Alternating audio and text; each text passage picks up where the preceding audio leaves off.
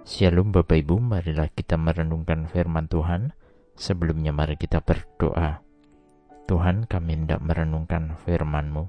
Roh Kudus pimpinlah kami. Di dalam Tuhan Yesus kami berdoa. Amin. Bacaan saat ini diambil dari 3 Yohanes 1 ayat 4.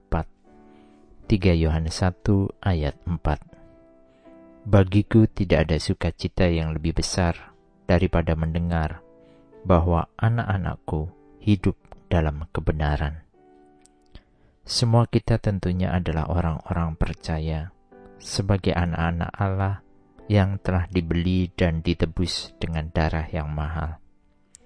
Sebagai anak-anak Allah, tentunya kita diundang untuk hidup terus dalam persekutuan dengan Kristus dan senantiasa hidup berjalan dalam kebenaran firman-Nya kita bukan lagi sebagai orang percaya, namun hidup dalam kehidupan duniawi, di mana kehidupan duniawi adalah kehidupan yang dipengaruhi oleh natur dosa lama kita. Tetapi kita harus berubah seturut kehendak Tuhan yang dikatakan lahir dan hidup baru di dalam Kristus.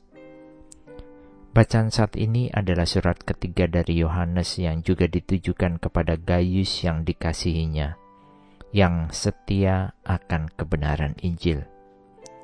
Sebutan kepada sahabat yang tetap setia akan Injil disebutnya sebagai anak-anak yang berjalan dalam kebenaran. Adalah sebuah sukacita yang besar ketika setiap kita yang mau tetap hidup dalam kebenaran Tuhan meskipun kita ada di dalam masa-masa sulit sekalipun. Sungguh adalah tantangan terbesar ketika kehidupan kita bisa tetap ada dalam kebenaran Tuhan, ketika problema, persoalan hadir dalam kehidupan kita. Entah hal karena hubungan keluarga yang kurang harmonis, atau bisnis yang lesu, keuangan, kesehatan, pekerjaan, bahkan mungkin pelayanan yang mengalami masalah.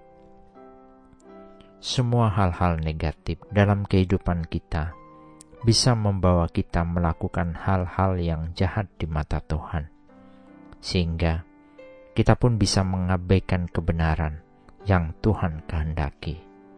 Yohanes dalam bacaan ini mengingat akan sahabat-sahabatnya yang terus menjalankan amanat agung untuk terus hidup dalam kebenaran, bukan saja karena keadaan mereka yang makmur dan sehat, tetapi di semua hal kehidupan mereka tetap ada dalam kebenaran Tuhan.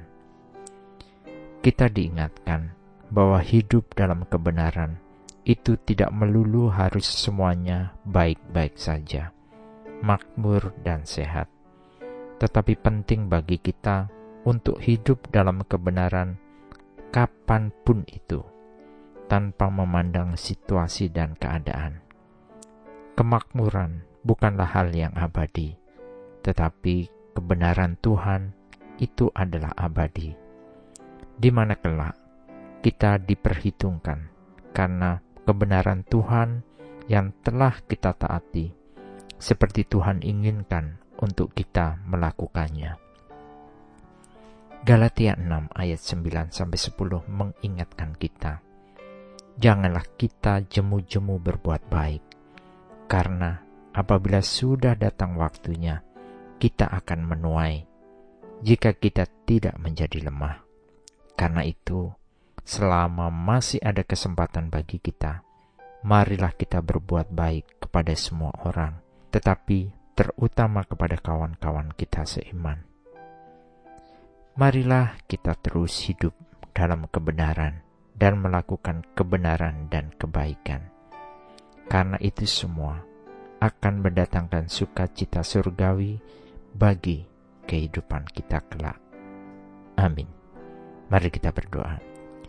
Bapa Surgawi, sungguh kami bersyukur dan berterima kasih untuk kasih karunia Tuhan di dalam hidup kami.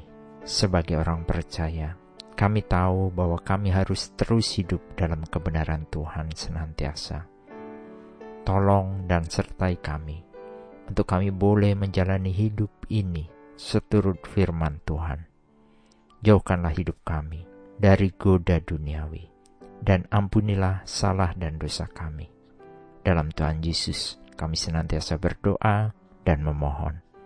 Amin. Tuhan Yesus memberkati. Shalom.